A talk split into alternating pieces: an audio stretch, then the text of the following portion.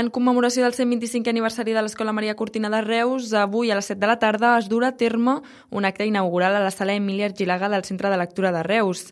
El periodista i regidor Josep Bages, el comunicador Enric Tricaz i l'historiador Joan Navais seran els encarregats de realitzar la conferència a l'Escola Maria Cortina dins del món de Reus. La jornada es podrà seguir també en streaming a través de la sala virtual del centre. L'assistència és totalment gratuïta.